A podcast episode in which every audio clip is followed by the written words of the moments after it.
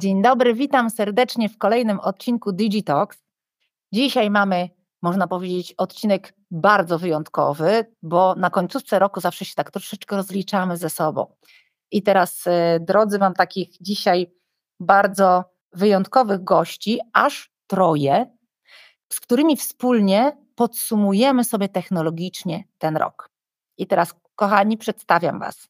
Moimi gośćmi są i gościniami profesor Uniwersytetu Warszawskiego Renata Włoch, socjolożka zajmująca się społeczeństwem cyfrowym. Cześć Renata. Cześć. Profesor Uniwersytetu Warszawskiego Katarzyna Śledziewska, ekonomistka zajmująca się badaniem transformacji cyfrowej. Razem prowadzą badania w DELAB UW. Cześć Kasiu. Cześć, cześć, cześć Jowita. Dzień dobry. I Paweł Pilarczyk. Mamy tutaj dwie płcie, żebyśmy sobie sprawiedliwie pogadali. Paweł Pilarczyk, właściciel, redaktor naczelny portalu IT Business o nowych technologiach w biznesie. Paweł prowadzi magazyn IT Business na antenie kanału telewizyjnego Biznes24. Jest znanym dziennikarzem technologicznym, prowadzi prelekcje, szkolenia, wykłady z obszaru nowych technologii. Dumnie powiem, jest ekspertem Speakers Office National Digital University. Cześć Paweł, miło Ciebie też widzieć. Wszystko się zgadza. Cześć Jowita, witam wszystkich serdecznie. Słuchajcie, chciałabym zacząć od takiej ładnej rozbiegówki, dosyć oczywistej na dzisiaj, czyli chciałabym Was zapytać, niezależnie macie różne punkty spojrzenia, myślę, co, co mnie super ciekawi.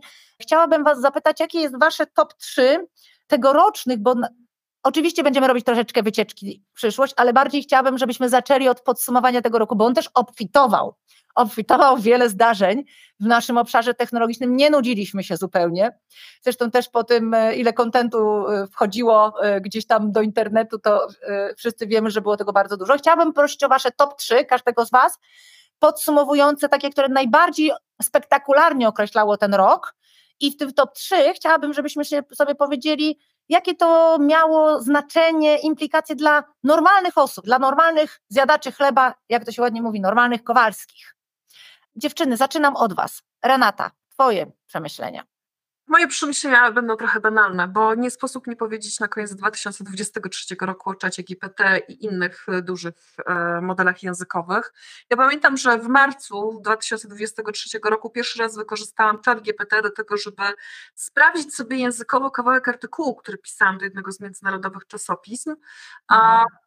Tydzień temu Uniwersytet Warszawski musiał wydać regulacje dotyczące tego, jak my mamy prowadzić e, badania, jak mamy prowadzić dydaktykę w momencie, kiedy studenci zaczynają masowo korzystać właśnie z tych dużych modeli językowych.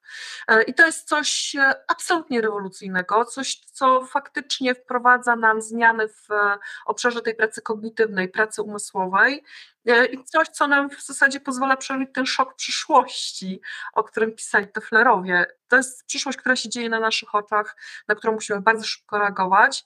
E, drugie wydarzenie na nieco bardziej minorowym tonie to jest kwestia tak szybkiego postępu w wykorzystaniu sztucznej inteligencji w wojskowości. To, co się dzieje na Ukrainie, jeżeli chodzi o wykorzystanie dronów, to, co się dzieje w tym momencie w konflikcie na Bliskim Wschodzie, jeżeli chodzi o wykorzystanie sztucznej inteligencji, chociażby do namierzania celów, znowu to jest coś, na co musimy zwracać ogromną uwagę. Mustafa Sulejman, e, założyciel DeepMinda w swojej ostatniej książce bardzo dużo uwagi poświęca właśnie postępowi w obszarze tych technologii i myślę, że to są nie trzy. Świetna książka i ją tutaj na koniec myślę, że polecimy. Mam nadzieję, że szybko wyjdzie po polsku. Też mam taką nadzieję, chociaż e, przyznam, że trochę spodziewałam się większych przemyśleń po akurat Sulejmanie, e, ale ja zatrzymałam się na tych dwóch technologiach, bo wydaje mi się, że one są na tyle ważne, że, e, że nie muszę szukać rozpaczliwie trzeciej. Rozumiem. Kasiu, z Twojej perspektywy, wydarzenia, niekoniecznie technologie, ale wydarzenia, coś, co się zadziało, coś, na co chciałabyś zwrócić uwagę, jakaś kropeczka, która jest istotna, być może nasi słuchacze ją ominęli, albo popatrzysz na nią ze swojej perspektywy. No moja perspektywa, no to oczywiście znowu jest ta perspektywa generatywnej sztucznej inteligencji i tego, w jaki sposób ona będzie zmieniała w ogóle cały system edukacji.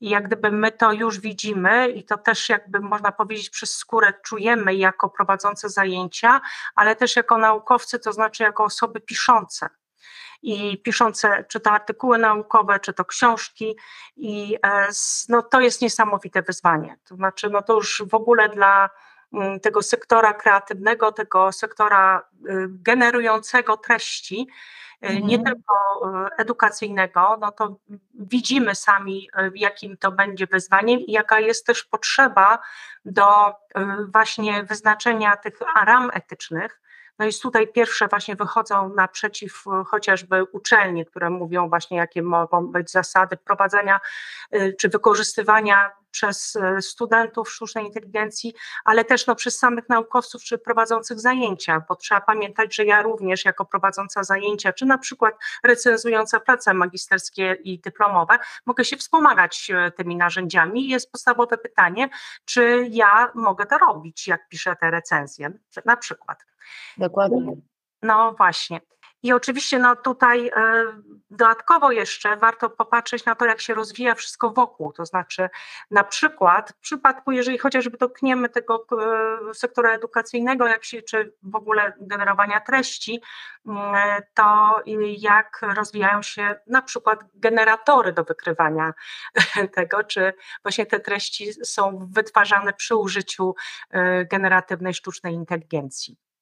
Także to jest moja perspektywa. To znaczy, to jest to coś, co ja widzę i co ja czuję, a dotyczy to każdego Kowalskiego, bo każdy Kowalski ma dzieci, które są w systemie, prawie każdy, który jest w systemie edukacyjnym i też to widzi. Ale oczywiście no, e, to nie jest tylko i wyłącznie system edukacyjny, o którym pewnie będziemy dalej o tych innych wrażeniach mówić. Tak, słuchajcie, dopytam Was o to, bo ten wątek jest ultra ważny, Wy jesteście praktyczkami tutaj i dla mnie ta Wasza perspektywa jest super, ultra ciekawa, ale jesteśmy jeszcze przy pierwszym pytaniu, Paweł, z Twojej perspektywy. Być może te same wątki, ale może inaczej trochę na nie patrzysz, prawda? E, tak, no oczywiście nie będę oryginalny, jeżeli powiem, że e, generatywna AI to jest e, najważniejszy wątek 2023 roku i o tym na pewno będziemy pamiętać jeszcze długo. Ten rok będzie zapamiętany właśnie jako taki rok tej generatywnej sztucznej inteligencji, taki rok, kiedy ta generatywna sztuczna inteligencja zeszła do mainstreamu i ona ma ogromny wpływ na każdą dziedzinę naszego życia tak naprawdę. Tutaj też powstawanie nowych zawodów, to, w jaki sposób bieżące zawody się zmieniają, nawet mój zawód, czyli dziennikarza technologicznego. Ja teraz też widzę, jak duże zagrożenie ona stanowi dla mnie, ponieważ już y, działa radio napędzane przez GPT, czyli radio GPT. Powstała już pierwsza telewizja newsowa, która w 100% jest tworzona przez sztuczną inteligencję, czyli mamy awatary, mamy newsy generowane przez y, właśnie chat GPT, mamy oczywiście syntetyczny głos, to jest y, w 100% autonomiczna telewizja, więc taka telewizja jak nasza, czyli Biznes24 również może być wygenerowana całkowicie całkowicie automatycznie, autonomicznie.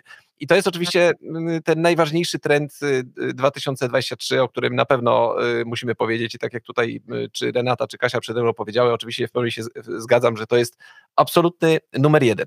Ale mam jeszcze dwa dodatkowe trendy, dwa dodatkowe wydarzenia, na które chciałem zwrócić uwagę.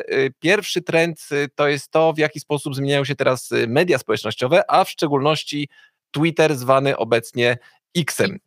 Tak, i to jest y, dla mnie też takie bardzo duże, bardzo duże, y, bardzo ważne wydarzenie, zwłaszcza, że jestem bardzo aktywny w y, serwisach społecznościowych i również na Xie, czy dawniej Twitterze. Natomiast to, w jaki sposób ta transformacja tego Twittera jest dokonywana przez Ilona Maska na, na X, no woła pomstę, o pomstę do nieba tak naprawdę. I to, ile on zmian złych tak naprawdę wprowadził pod pretekstem udostępnienia wolności słowa na tej platformie, ale w mojej opinii bardzo to zaszkodziło niestety tej platformie. Chociaż... długo siedział w Chinach i wolność słowa mu się pomyliła z czymś. Tak, tak, właśnie. No i tutaj, tutaj oczywiście zobaczymy, jakie to będzie miało perspektywy w dalszym okresie czasu, ale no, w mojej opinii te zmiany są oczywiście złe. Będziemy obserwować, co się dzieje. To jest drugie takie najważniejsze wydarzenie tego roku. Trzecie to jest wszystko, co się dzieje wokół kryptowalut. I tutaj podobnie jak z generatywną sztuczną inteligencją, ten boom zaczął się w y, listopadzie zeszłego roku y, od ChatGPT, a potem pojawiło się oczywiście y, wiele innych rozwiązań, bo pojawił się Google Bard, ostatnio Google Gemini został zaprezentowany, wszystkie rozwiązania do, do tworzenia obrazów. To podobnie było w przypadku kryptowalut. Wszystko zaczęło się od afery związanej z platformą FTX i to był też zeszły rok. Natomiast w tym roku mieliśmy kolejną ogromną aferę związaną z Binance i z szefem Binance, który się przyznał, że wiedział, że ta platforma służy do tego, żeby po prostu prać pieniądze. Więc to jest też y, bardzo ważny wątek, o którym być może jeszcze dzisiaj opowiemy szerzej na temat kryptowalut. Ja jestem wielkim fanem i wielkim zwolennikiem kryptowalut. Uważam, że one mają bardzo ciekawą przyszłość, ale niezbędne są regulacje, żebyśmy mogli zaufać tym kryptowalutom, bo to, co się dzieje teraz y, wokół kryptowalut, to, co mieliśmy właśnie w zeszłym roku z FTX-em i w tym roku y, z Binance'em, powoduje, że ludzie po prostu nadal kryptowalutom nie będą y, ufać. No i to jest jedna z, jeden z takich trendów w ogóle na, na przyszły rok, czy, czy regulacje, o tym, o tym na pewno będziemy rozmawiać za chwilkę. Więc to są takie trzy tak. moje top 3. Sztuczna inteligencja, ta, ta transformacja Twittera w Xa, no i to, co się dzieje wokół kryptowalut. Tak, super Paweł, że też dodatkowo zobaczcie, jak, jak różne mamy wątki osób zajmujących się różnymi obszarami. To dla mnie jest piękny wniosek, że co prawda narzędzia są bardzo podobne, ale mają gigantycznie różne implikacje w zależności od tego, w którym jesteśmy obszarze. Natomiast w każdym z tych obszarów wywołują tak ogromne zmiany, że trzeba fundamentalnie zadziałać, prawda? Także myślę, że sobie tą dyskusję właśnie w ten sposób poprowadzimy trochę. No dobra, to mamy takie większe rzeczy, a teraz powiedzcie mi, czy jest jakieś wydarzenie, czy było jakieś wydarzenie, które uważacie, że warto tutaj e, poruszyć, które albo zwróciło na coś wyjątkową uwagę, albo gdzieś skłoniło Was do jakiegoś myślenia i będzie miało implikacje na 2024 lub kolejne lata? Czy coś takiego się wydarzyło? Nie, już nie mówię o samej technologii, o samym AI, ale czy jakieś wydarzenie czy społeczny, czy gospodarczy, czy technologiczny, czy biznesowy, zwróciło Waszą uwagę tak, że powinniśmy o nim myśleć. My powinniśmy wśród tych kropek, które łączymy, je zauważyć. Panie drogie moje, co Wy myślicie o tym? Ja się odniosę się do tego, co powiedział mój przedmówca, znakomity. I do tego trendu, w którym on mówił o tym, jak wielką rolę pełnią media społecznościowe w naszym życiu, badacze społeczni tu mówią o tak zwanej głębokiej mediatyzacji, to znaczy o tym, że te media społecznościowe tworzą taką infrastrukturę naszego życia codziennego, że są nieodzowne, że już my nie wyobrażamy sobie życia e, bez nich. I czasami nam się wydaje, że one są po pierwsze autonomiczne, po drugie, że one są obiektywne, są gdzieś tam, gdzieś funkcjonują na zewnątrz nas, a po trzecie, że one są neutralne.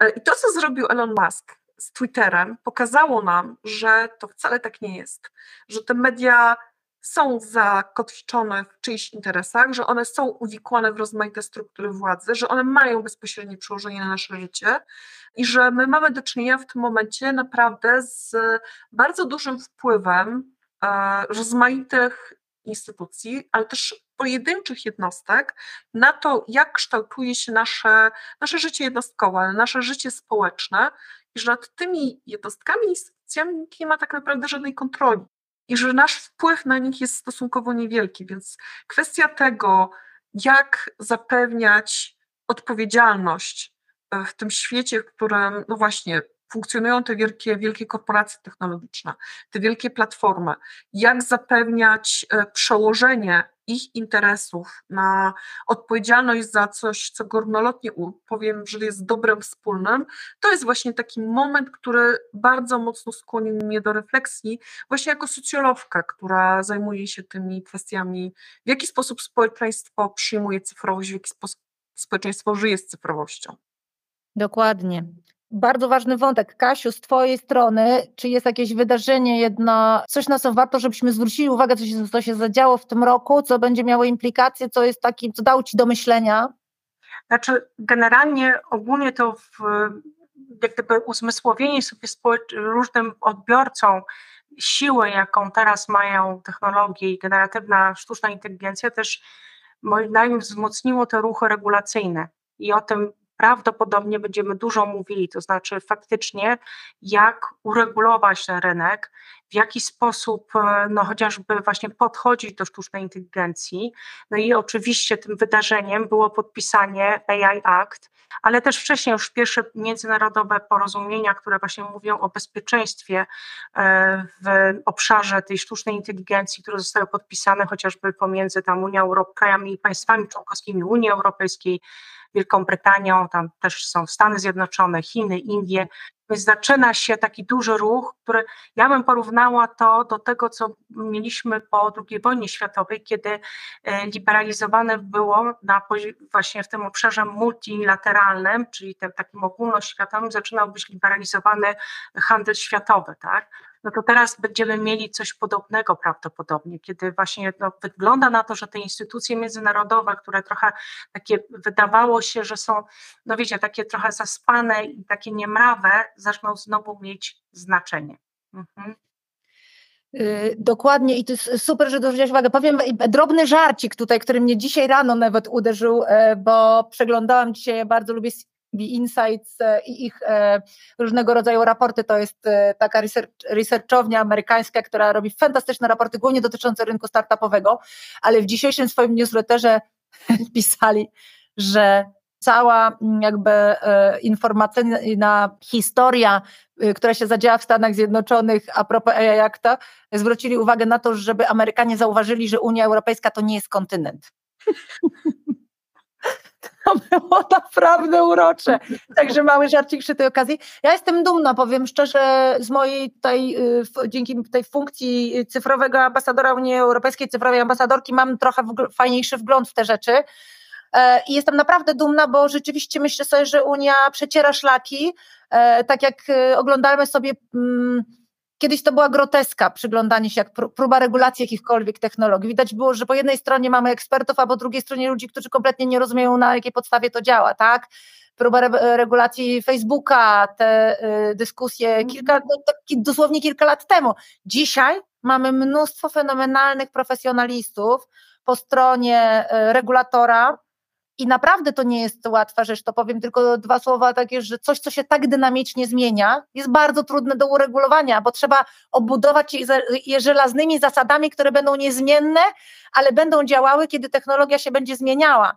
I stąd i tu cały szkopu, dlatego myślę, że to, co się zadziało, też te dyskusje, zwłaszcza, że też e, członkowskie kraje Unii Europejskiej bardzo chcą, żeby ich lokalne narzędzia sztucznej inteligencji się rozwijały, tak jak niemiecki czy francuski odłam fajnie. Poświęcimy sobie też któregoś dnia odcinek na ten temat. No, przepraszam, to jeszcze tak tylko dodam, wydaje, że jest duża zmiana, jeżeli chodzi o nasze postawy względem tych regulacji, prawda? Też od tego roku, że faktycznie rozumiemy, że tutaj coś absolutnie powinno się zadziać. Tak, tak, absolutnie. Też y, jest dyskusja, o której myślę, że sobie może dwa słowa powiemy, czyli regulacji dostępu do mediów społecznościowych dla dzieci, która jest bardzo gorąca. E, i, i dyskutowaliśmy, y, ja, ja też się włączyłam w dyskusję, która była na LinkedInie kilka dni temu, gdzie ktoś mówi, nie da się tego zrobić, e, bo to jest cenzura, a cała masa ludzi powiedziała, absolutnie się da, dlatego że to nie jest cenzura. Jeżeli traktujemy media społecznościowe podobnie jak alkohol czy e, papierosy, to mamy prawo ograniczyć wiekowo, z, ale w taki sposób, żeby to było e, regulowane prawnie i miało swoje konsekwencje, jeżeli zostanie złamane, prawda? Paweł, twoje, twoje wydarzenie, czy jest takie? Y, tak, ja mam takie jedno wydarzenie w głowie, y, mianowicie marzec y, tego roku i zaprezentowanie modelu GPT-4 przez OpenAI. Model, który jest tak zwanym modelem multimodalnej sztucznej inteligencji, czyli takiej, która przetwarza nie tylko tekst, to nie jest tylko i wyłącznie y, duży model językowy, tak jak w przypadku poprzednich wersji GPT, czyli GPT 3,5 czy GPT-3, od którego zaczął się tak naprawdę y, chat GPT, y, tylko w przypadku GPT-4 mamy możliwość przetwarzania tekstu, obrazów, dźwięku i to wszystko z poziomu jednego modelu sztucznej inteligencji, co powoduje, że dla mnie jest to o tyle rewolucyjne rozwiązanie, że przybliża nas bardzo mocno do tak zwanej AGI, czyli Artificial General Intelligence, czyli taki Pociągnę ogólny... cię tu trochę za język, powiedz mi twoje zdanie na ten temat, bo to mnie bardzo ciekawi, to ciekawi też naszych słuchaczy, bo to się wiąże z największym lękiem związanym z rozwojem AI. Tak, y, y, tutaj y, widzimy taką sztuczną inteligencję, która zaczyna się coraz bardziej zachować jak człowiek, już nie tylko w obszarze rozmowy takiej tekstowej, takiego czatu, jaki mieliśmy dotychczas w przypadku ChatGPT, ale ona rozpoznaje obrazy, można z nią rozpozna, y, porozmawiać głosowo, y, można jej coś zaśpiewać, ona sama będzie tworzyła również muzykę, czyli jest, ma wiele talentów ta sztuczna inteligencja i to jest coś, E, co było dotychczas tak naprawdę zarezerwowane tylko dla człowieka i mówiło się właśnie, że ta sztuczna inteligencja dotychczasowa to jest ta e, narrow artificial intelligence, czyli taka skoncentrowana na, na konkretnym zadaniu, Natomiast tutaj mamy taki pierwszy przebłysk takiej ogólnej sztucznej inteligencji i oczywiście nadal oczywiście badacze w tej chwili się kłócą ze sobą, czy to już jest ta szeroka sztuczna inteligencja, czy nie. Oczywiście to jeszcze nie jest ta sztuczna inteligencja, ale też jesteśmy już niestety bardzo blisko i, i ostatnia afera, która była wokół OpenAI i to zwolnienie sama Altmana i ponowne zatrudnienie tego sama Altmana, nie wiemy dokładnie, jakie były przyczyny, ale mówi się zakulisowo, że to, to było spowodowane właśnie tym, że OpenAI ma już model generalnej sztucznej inteligencji, tej szerokiej sztucznej inteligencji i jest to model, który jest nie do końca kontrolowalny. E, I ta, e, ta multimodalna sztuczna inteligencja, którą ostatnio również Google zaprezentował pod postacią e, Google Gemini, tutaj oczywiście też są kontrowersje. Właściwie nie Google, tylko DeepMind. No DeepMind, tak oczywiście no, firma, którą, która została kupiona przez, przez tak. Google, która jest teraz częścią Google'a. To jest też takie rozwiązanie, które zostało pokazane na filmie, który można sobie obejrzeć na YouTubie, czyli tak. właśnie ta demonstracja, jak działa Google Gemini. To jest trochę zmanipulowane to nagranie, ponieważ one jest przyspieszone, są skrócone te odpowiedzi sztucznej inteligencji, ale to jest oczywiście pierwszy taki proof of concept, który jeżeli zacznie działać, to da nam dostęp do, do takiego modelu sztucznej inteligencji, która, która naprawdę już będzie nas w stanie w 100% oszukać, że, że mamy do czynienia z, z człowiekiem. My już nie będziemy pewnie w stanie y, rozróżnić tego, że rozmawiamy z, z robotem. I to jest y, coś, co z jednej strony jest niezwykle fascynujące, z drugiej strony y, może się wiązać z bardzo dużymi zagrożeniami. To, to też są rzeczy, o których y, teraz i naukowcy, i specjaliści, i politycy dyskutują, również właśnie w kwestii potencjalnych regulacji, tak żeby jednak zapanować nad tymi firmami, żeby one sobie tak, tak swobodnie tych modeli y, nie rozwijały, bo mogą w pewnym momencie stracić nad nimi kontrolę. I to, to jest no, dla mnie takie wydarzenie też tego roku 2023 ultra ważne. Właśnie zastanawiałam się, czy, czy, czy też y, wspomnicie w dyskusji to wydarzenie, bo pozornie to była taka ciekawostka, prawda, dziennikarska. Otóż osoba, która jest postrzegana jako właśnie ojciec y, tej nowej generacji sztucznej inteligencji, została szokująco zwolniona z tak, z tak ważnej dla świata firmy, następnie z powrotem zatrudniona, więc trochę było ty, y, na ten temat ploteczek i dyskusji.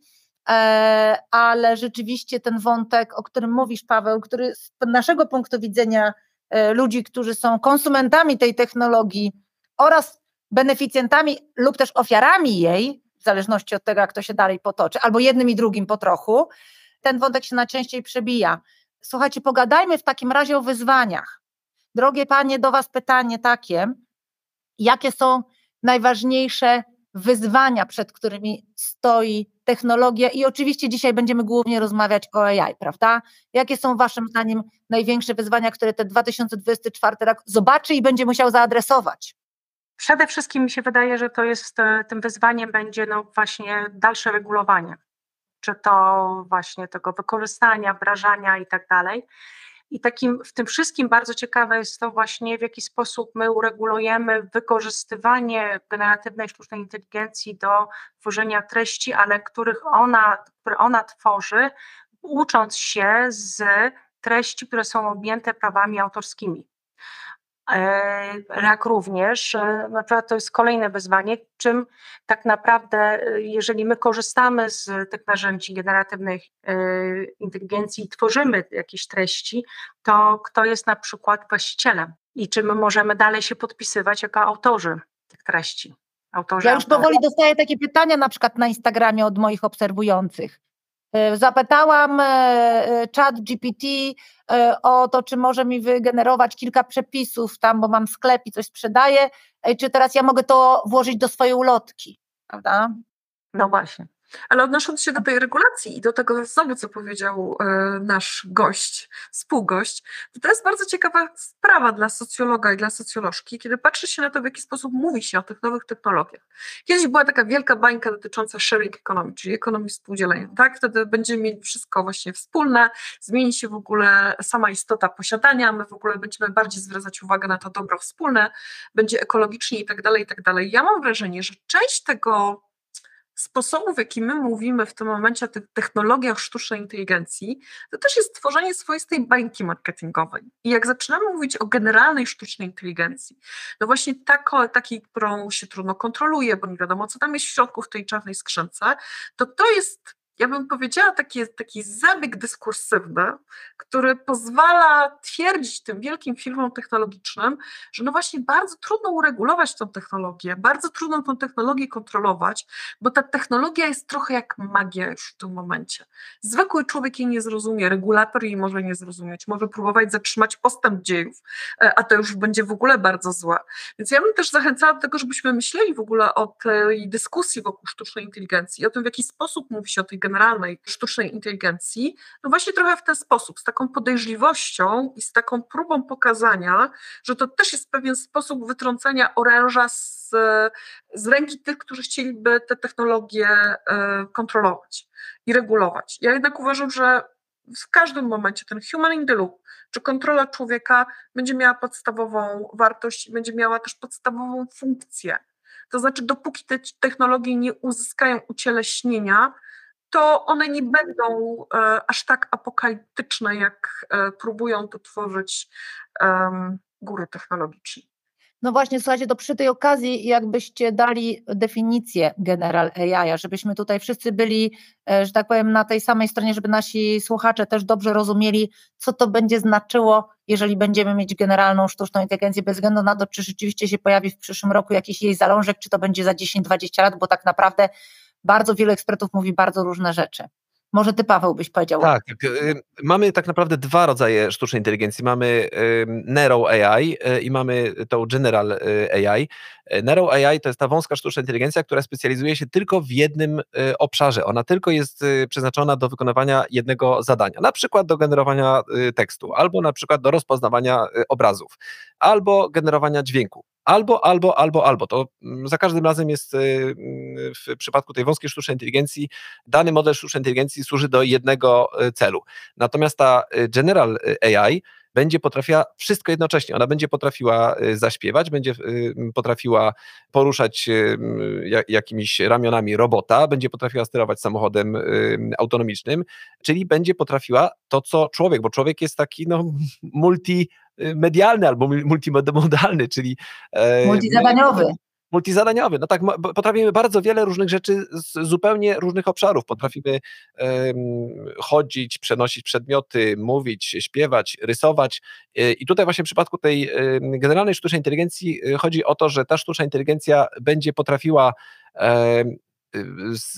poruszać się we wszystkich obszarach, jednocześnie nabywać nowe umiejętności też z dowolnych obszarów i jednocześnie będzie się uczyła w tempie y, wykładniczym, czyli ona będzie pozyskiwała nowe umiejętności e, no, w tempie dla nas niewyobrażalnym. Y, tutaj bardzo takim obrazowym przykładem jest to, w jaki sposób ta sztuczna inteligencja będzie się uczyła, że ona będzie miała y, IQ 100, za godzinę będzie miała IQ 1000, za kolejną godzinę będzie miała IQ 100 tysięcy, za kolejną godzinę będzie miała IQ milion i to już będzie szło w takim tempie, że my nie będziemy w stanie tego objąć naszym, naszym mózgiem, więc tego się tak naprawdę obawiamy wobec tej generalnej sztucznej inteligencji i nadal nie wiadomo, czy w ogóle ona powstanie tak naprawdę. I tutaj y, nie ma co do tego zgodności ekspertów. To znaczy są eksperci, którzy twierdzą, że, że tak, ona będzie, że będzie prawdopodobnie za 20 lat, tak, tak mówił większość futurologów, że to będzie rok 2040, mniej więcej 2045, kiedy się pojawi ta y, generalna sztuczna inteligencja.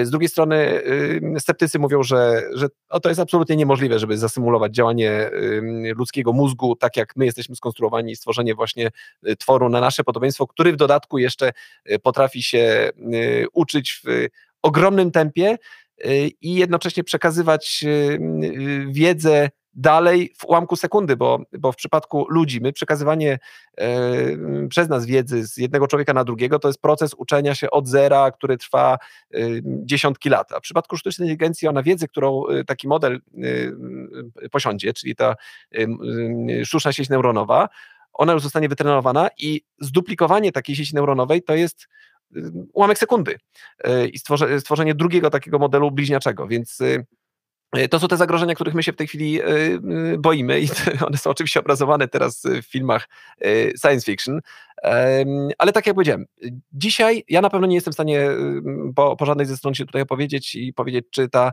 generalna sztuczna inteligencja rzeczywiście powstanie, czy ona będzie tylko symulowała to działanie sztucznej inteligencji, bo przypomnijmy sobie, że dawne chatboty, y, które jeszcze nie były napędzane przez sztuczne sieci neuronowe, y, one działały na zasadzie prostych tabelek, czyli my wpisywaliśmy jakieś hasło, nawet na przykład skille w Alexie w większości przypadków w ten sposób działają, czyli my mówimy do Alexy Alexa, odtwórz mi piosenkę.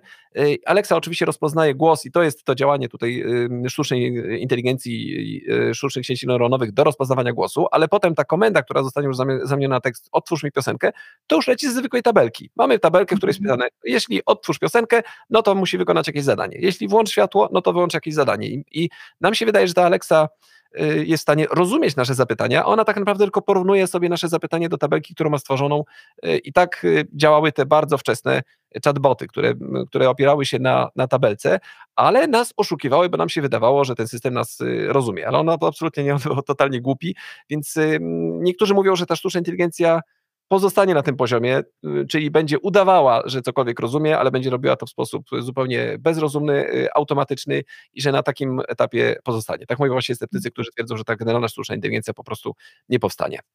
Tak, słuchajcie, to jest niesamowite, ludzie też w to nie wierzą. Ja miałam ostatnio wykład dla jak, y, dużej grupy młodych ludzi, gdzie jako jeden element wykładu tłumaczyłam e, po prostu sposób działania generatywnej sztucznej inteligencji. Pewien młody człowiek kłócił się ze mną dobre trzy minuty, że to jest niemożliwe, bo jego ta sztuczna inteligencja rozumie. I to nie jest tak, że to jest każde kolejne słowo jest wynikiem pewnego prawdopodobieństwa. Tak? Ja mówię, no cóż, trudno mi powiedzieć, że lody są zimne, bo są zimne i to jest po prostu tak działa ten model. Nie, ten model tak nie działa, się nie zgadza więc to jest już na tym etapie tylko gloryfikowanie, ale to trochę przeszliśmy do następnego pytania, słuchajcie, y, mm, perspektywy rozwoju sztucznej inteligencji w przyszłym roku i konsekwencje, i Was, drogie Panie, zapytam, konsekwencje dla edukacji, żebyście tutaj ten wątek pogłębiły, który jest Wasz. Ja jednak jeszcze się odnoszę, odniosę trochę do tej definicji sztucznej inteligencji, bo w momencie, kiedy DeepMind, DeepMind w 2012 roku zaczął pracować właśnie nad tymi bardzo zaawansowanymi sieciami neuronalnymi, to oni mieli jedno zadanie, to znaczy chcieli stworzyć, i dla nich ta generalna sztuczna inteligencja polegała na tym, że oni stworzą potencjał do równania, następnie prześcignięcia kognitywnym umiejętnościom człowieka czyli naszą umiejętnością poznawczą. I teraz, jak ja patrzę na tę definicję generalnej sztucznej inteligencji, to mi się wydaje, że to jest bardzo wąska, bardzo wypatroszona z szerszego znaczenia koncepcja inteligencji, bo tu powiedziałeś właśnie o tym, że to będzie to IQ najpierw 100, potem 1000, potem nawet milion, tak? Ale ludzka inteligencja to jest nie tylko IQ, to są nie tylko zdolności poznawcze, to są nasze emocje, to jest nasze ciało, to jest, e, to jest nasza etyka, to jest nasza moralność, to jest zdolność do czynienia dobra i do czynienia zła. Jakby to wszystko to jest inteligencja i ja bym nie zastanawiała się nad tym, czy można tą sztuczną inteligencję, która nadal dla mnie pozostaje, tu się ja z Tobą zgadzam, zupełnie. Nadal pozostaje po prostu matematyką, statystyką na nieco wyższym, zaawansowanym poziomie. To nadal jest tabelka, tylko po prostu w milionach wymiarów, e, zwracająca bardzo szybko analizę pewnych punktów danych. Dla mnie porównywanie ludzkiej inteligencji i tej sztucznej inteligencji to jest porównywanie nawet nie jabłek i pomarańczy, tylko jabłek i mrówki. W sensie to są naprawdę zupełnie inne, e, zupełnie inne rzeczywistości. E, I to jeżeli chodzi właśnie o te perspektywy rozwoju, to ja bym się zastanawiała nad tym, w jaki sposób ta sztuczna inteligencja będzie wdrażana w kolejnych obszarach życia i w kolejnych obszarach e, gospodarki. Gospodarkę zostawię Kasi, natomiast powiem o tych innych obszarach życia, bo ja tu na przykład jako konsument, nawet nie obywatel, tylko konsument, konsumentka, ja bym chciała, żeby część tych technologii, która mnie otacza, przestała być tak zwanymi technologiami so-so czyli technologiami takimi sobie. Jak patrzę się na swojego Kindla, to mnie irytuje to, że on nadal nie czyta PDF-ów dobrze. Ja bym chciała, żeby sztuczna inteligencja, ale też inne aspekty tych technologii cyfrowych zaczęły wreszcie być e, przyjaźniejsze. To znaczy, ja wiem, że mówię w tym momencie być może o czymś takim zupełnie abstrakcyjnym, bo niektórym się wydaje, że mamy te iPhony, te fajne iPady, te wszystkie różne inne technologie, ale jak popatrzymy na te konkretne zastosowania, to one nadal w bardzo wielu obszarach są po prostu bardzo siermiężne. Ja bym chciała postępu w tym aspekcie.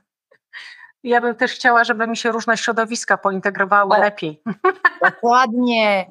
Dokładnie, chciała, że nie tylko ja w, prawda, wchodzę do domu, ja zawsze daję ten przykład lodówki, ale widocznie on jest jakiś dla mnie trudny, że wchodzę do domu, otwieram lodówkę, patrzę, w niej są tylko cztery rzeczy, zaraz moje dziecko wraca ze szkoły, trzeba zrobić obiad, a jedną nogą muszę jeszcze robić jakieś slajdy, więc robię zdjęcie tej lodówki, wrzucam to i mówię, temu przysłowiowemu czatowi GPT, co ja z tego mogę zrobić, ale że nie ja to robię, tylko mój Thermomix, a ja no, wyciągam tylko gotowca i takiej integracji bym chciała. Mhm. Dokładnie, dokładnie. I to w 2024 już. Tak, tak, prosimy bardzo, bardzo poprosimy. I jeszcze, żeby mi się wszystkie aplikacje integrowały ze sobą, żeby jakby jak coś robię w jednym systemie, to też, żeby w drugim systemie mogła to otworzyć i tak dalej. To jest ważna rola regulatora, kochani. I to jest ważna dlatego, że dzisiaj nie rozmawialiśmy o, o samych firmach technologicznych, ale ja pamiętam takie najmocniej zwróciły mi uwagę predykcje y, technologiczne profesor Amy Webb kilka lat temu, y, które jeszcze w ogóle nie dotyczyły samego AI, ale w analityce danych, w ogóle w, w danych, pokazywała takie katastroficzne trochę y, koncepcje, że jeżeli duże firmy technologiczne będą powoli przejmowały kontrolę nad ogromną częścią naszego życia, na przykład również medyczną, co próbują robić, to wówczas na przykład, e, jeżeli jesteśmy zintegrowani z Googlem i karetka pogotowia, która nas zabierze, będzie karetką pogotowia przysłowiowego Apple, to nie będzie wiedziała, jaką mam grupę krwi i być może umrę w drodze do szpitala. No oczywiście wiadomo, że można ją tam szybko zbadać, ale chodzi o to, że brak przepływu, że regulator, bo oni nie mają w tym żadnego interesu, że brak przepływu i to, to musi być zawsze z punktu widzenia mojego. I to myślę, że próbujemy tu powiedzieć. Zawsze z perspektywy mojego dobra przede wszystkim, a nie tego, żeby Big Tech wcisnął mi coś kolejnego, co chce mi spieniężyć, prawda? Na mnie. Paweł. To jest w ogóle bardzo ciekawy, ciekawe pytanie o te perspektywy na 2024, bo, y, bo mówi się, że y, trochę przyjdzie takie ochłodzenie emocji, jeśli chodzi o tą generatywną sztuczną inteligencję, że w tej chwili, y, w tym 2023 roku, bardzo nasz apetyt został rozbudzony. Te big techy pokazywały, co to można zrobić przy pomocy tego Gen AI ale właśnie tak jak powiedziałem o tym Google Gemini, który był w dużym stopniu zmanipulowany, pokazuje to, że te modele jeszcze nie działają tak, jak to starają się nam te big techy, big techy pokazać. I bardzo możliwe, że w przyszłym roku, gdy czy biznes, czy przedsiębiorstwa, czy edukacja będzie chciała zastosować te systemy w praktyce, to one nie będą działały tak jak, tak, tak jak byśmy tego po nich oczekiwali. I to, co tutaj Renata czy Kasia wspomniały, że, że oczekiwałyby tej integracji, tego, tego właśnie Kindla, który czyta te PDF-y, to jest bardzo dobry przykład, bo y, to jest coś, y, na co ja również bardzo zwracam uwagę tak, w przypadku w ogóle technologii, że technologie dla, tak, dla zwykłego takiego y, użytkownika, one są mega irytujące bardzo często. Ja zajmuję się tymi technologiami zawodowo oczywiście 30 lat i piszę o tych technologiach, więc ja sobie z nimi jakoś radzę, ale ja też mam wielokrotnie problemy, że coś mi nie działa, że właśnie nie mogę tego, tego PDF-a odpowiednio na tym Kindle y, odtworzyć. On mi jakieś tam malutkie literki wyświetla, nie jestem w stanie tych literek y, powiększyć. Więc to jest dobry taki, taki przykład, który możemy zobaczyć w bardzo wielu innych przykładach, na przykład dom inteligentny. To jest też taki problem, który, z którym ja się też bardzo często mierzę. Ja mam bardzo dużo różnych sensorów, jakichś gniazdek sobie poinstalowałem w domu, ale one chyba w połowie przypadków nie działają. Ja mówię, Alexa, włącz mi światło, ona, nie widzę urządzenia światła. Ja mówię, no jak to? Złącz światło. Ona, no musisz zresetować światło. Ja mówię, to ja w końcu idę i naciskam ten guzik. To nie powinno w ten sposób działać. Oczywiście te technologie powinny nam ułatwiać życie, powinny być transparentne dla nas. My ich nie powinniśmy widzieć, one powinny y, po prostu działać. I to jest coś, co zrobił tak naprawdę Apple z y, iPhone'em, czyli pierwszy smartfon, który rzeczywiście był używalny, ponieważ my przecież smartfony mieliśmy na wiele lat przed y, iPhone'em, ale one były właśnie takie tworzone dla geeków technologicznych. I dopiero Apple pokazał smartfona, którego po prostu się obsługiwało palcem, który nie wymagał żadnych rysików, który miał tylko jeden przycisk, a nie tam pięć przycisków pod ekranem, albo całą klawiaturę kwerty pod ekranem, więc potrzebujemy tego typu rewolucji również od sztucznej inteligencji, czyli tego, żeby ta sztuczna inteligencja zaczęła być naprawdę dla nas przyjazna i używalna. I tutaj trochę y, pojawia się takich inicjatyw, y, jeśli chodzi właśnie o taką uży, używalność tej sztucznej inteligencji, bo chociażby na przykład ChatGPT, który powstał y, jako aplikacja na smartfony, czyli my już nie musimy się logować na stronę, nie musimy tam zakładać jakichś specjalnych dziwnych kont i kombinować, żeby porozmawiać z tym ChatGPT, tylko instalujemy sobie prostą aplikację w, w naszym smartfonie, nawet nie zadajemy pytań, tylko po prostu dyktujemy te pytania y, do, y, do naszego smartfona i on rozpoznaje głos i sobie zamienia na tekst. To już jest taki właśnie krok, który pokazuje, że, że tą generatywną sztuczną inteligencję możemy wykorzystywać wszyscy w relatywnie prosty sposób, ale to jeszcze powinno być, jeszcze powinno być prostsze, więc tego bym y, oczekiwał po 2024 roku, ale no prognozy są takie, że to jeszcze się w tym przyszłym roku nie zadzieje i że e, na razie to będzie taka weryfikacja tych możliwości i będziemy trochę sprowadzeni na ziemię i zobaczymy, do czego tak naprawdę możemy wykorzystać tę sztuczną inteligencję, bo nie do tych rzeczy, które nam pokazują teraz filmy, filmy na filmikach demonstracyjnych. Dokładnie. Dziewczyny, zapytam Was o taką rzecz, która, którą mnie pytają bardzo często też y, y, y, ludzie na wykładach czy, czy gdzieś na social mediach. Czy Wasi studenci korzystają z czata GPT? Czy pozwalacie, czy pracujecie razem? Jaki w ogóle macie, bo wiem, że to jest obszar jeszcze nie do końca uregulowany. Myśmy e, wypuszczali jakieś wskazówki dla nauczycieli, też robimy w Fundacji Digital University sporo szkoleń, ale na koniec dnia dzisiaj to jest tak, że każda szkoła troszeczkę decyduje prawda, we własnym zakresie. Powiedzcie, jak u Was to wygląda? Ja powiem tak, że ja uważam, e, że generalnie nasi studenci są przygotowywani do rynku pracy, na którym za chwilę, może nie od razu, będą e, wdrażane rozwiązania oparte o generatywną sztuczną inteligencję. W związku z czym oni powinni budować jak gdyby tą swoje, te swoje kompetencje właśnie w oparciu o znajomość tych technologii. Więc dla mnie to my powinniśmy ich uczyć wykorzystywania tego i e, jak gdyby pracy z, w tym środowisku w ogóle, tak? Dla, no jeżeli w ogóle takim naszym założeniem jest to, że chcemy ich w jakiś sposób przygotowywać do tego przyszłego rynku pracy i kształtować te kompetencje, które będą potrzebne.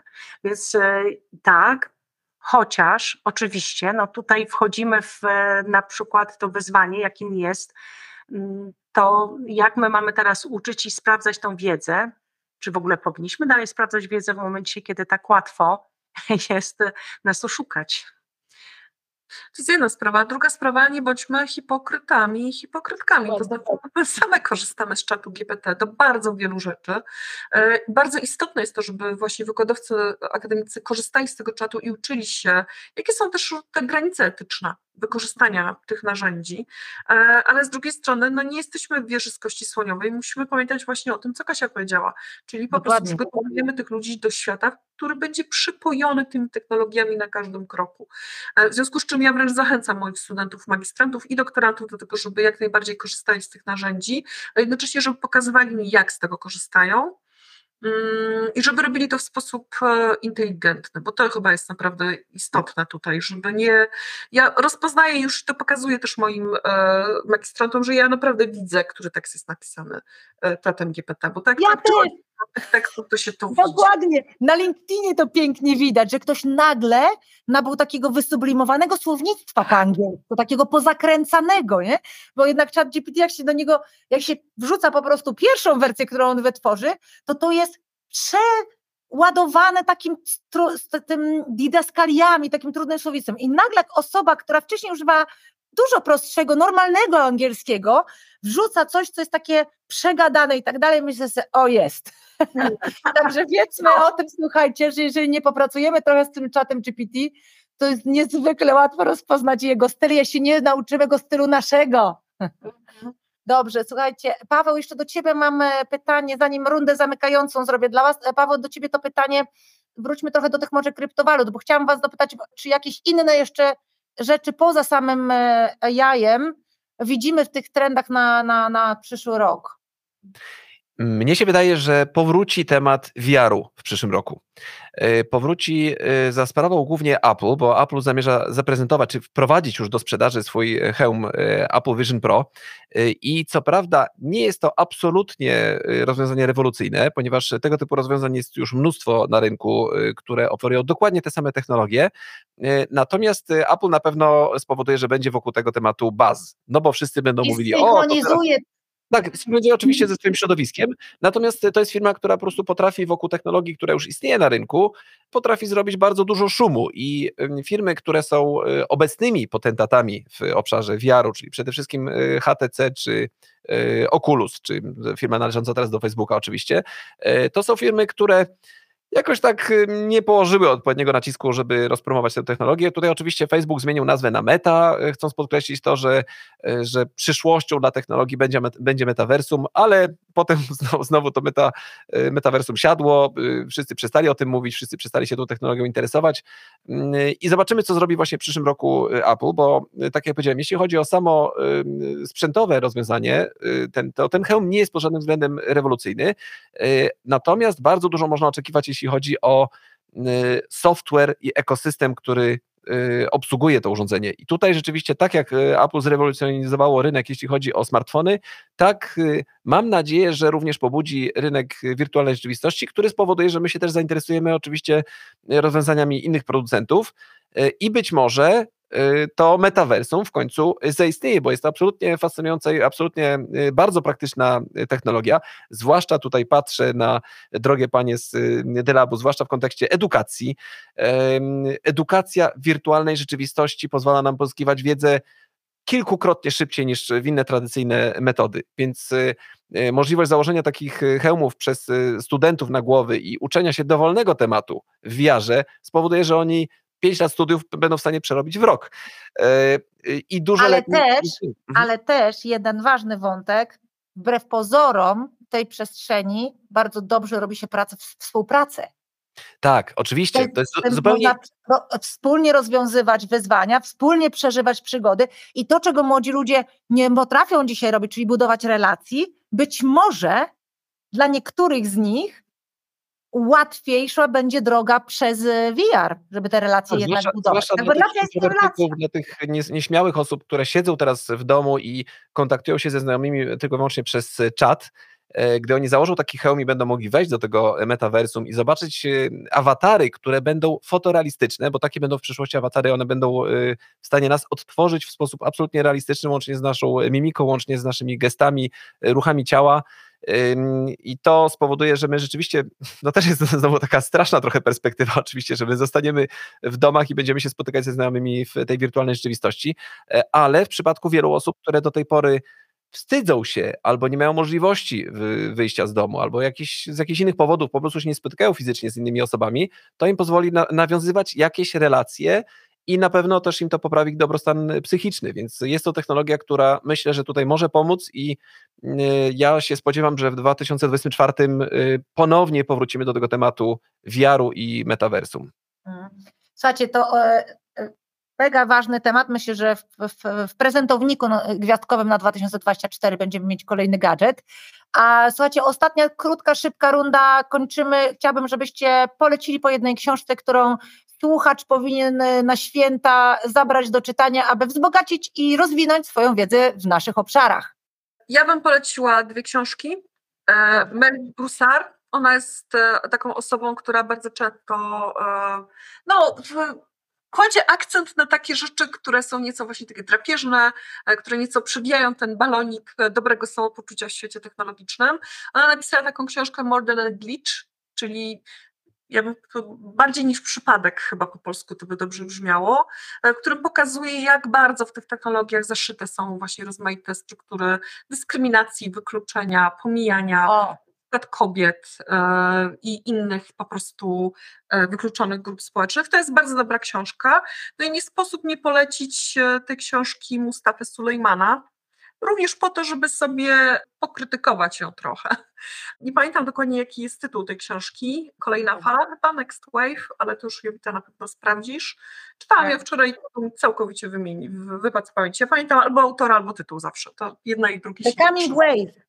The Coming tak. Wave, tak. I on tam wskazuje tak, właśnie tak. na dwie takie kwestie, czyli z jednej strony rozwój generatywnej sztucznej inteligencji, a z drugiej strony rozwój syntetycznej e, biologii i pokazuje, jakie są wiążące się z tym e, zagrożenia. Więc dla mnie to jest też trend. Nie gadaliśmy dzisiaj o tym, a ten trend dla mnie jest ultra ważny też. Biologia syntetyczna, CRISPR, genetyka, to wszystko, co też dostaje totalnego kopa, też dzięki AI-owi, prawda? Mhm. Ja powiedziałabym, że z takich książek, które w zeszłym roku na mnie zrobiły wrażenie, to była książka pod tytułem Digital Mindset, która pokazuje, jak bardzo nasze postawy, nasze podejście w ogóle do technologii mają znaczenie. Ale ja bym jeszcze drugą też poleciła, mianowicie I to trochę nawiązuje do tego, jak, co technologie z nami robią jako ludzie, to znaczy jakie na przykład nam się połączenia e, w naszym układzie neuro, e, neurologicznym nie wytwarzają, bo na przykład nie mamy kontaktu z innymi ludźmi, bo za pośrednictwem e, technologii to robimy. I i to jest chyba dosyć ważne w ogóle, żebyśmy wiedzieli, że to jest kolejne bardzo duże wyzwanie przed nami, jakie stoi, to znaczy ta nasza neuroróżnorodność, która się y, staje wszechobecna i y, niewątpliwie dla nas jako ludzi mm, będzie to wyzwaniem, czy to właśnie w systemie edukacji będących, czy to w, y, pracy.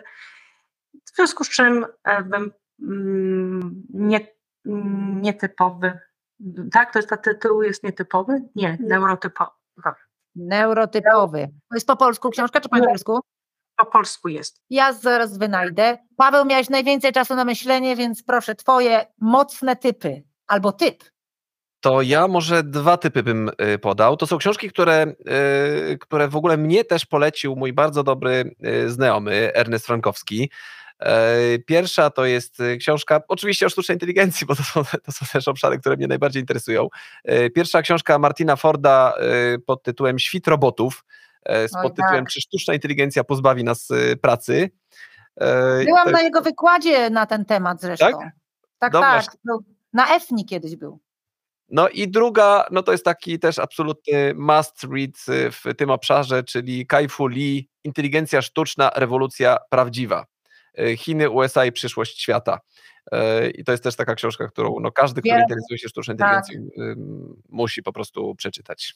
Wielokrotnie polecam tą książkę, słuchajcie, bo ona mimo, że już relatywnie stara jak na nasz świat tak, technologiczny, to jest druga, książka bodajże mhm. 4-5-letnia, natomiast ona podkłada fundamenty pod to, jak się rynek pracy będzie automatyzował i one są niezmienne. Być może to będzie te 15 lat, które on powiedział, być może to będzie 6, bo ja już przestaję powoli dawać jakikolwiek horyzont czasowy, ale, ale tak, tak, polecam. Ja bym... Yy, yy, ja bym powiedziała, że wszystkie te książki, słuchajcie, które polecacie, rewelacja, także zapraszamy jeszcze do księgarni, można jeszcze komuś pod choinkę kupić. Moi drodzy, szalenie Wam dziękuję. Mega dyskusja, wielowątkowa. Bardzo się cieszę, że bardzo się cieszę, że zaprosiłam takich różnorodnych gości, gościnie. E, jeszcze raz podsumowując, e, moimi gośćmi dzisiejszymi byli profesor Uniwersytetu Warszawskiego Renata Włoch, profesor Uniwersytetu Warszawskiego Kasia, Katarzyna Śledziewska i Paweł Pilaczek, ekspert Digital University, dziennikarz. Dziękuję Wam bardzo za tą świetną rozmowę. Pozdrawiamy ciepło.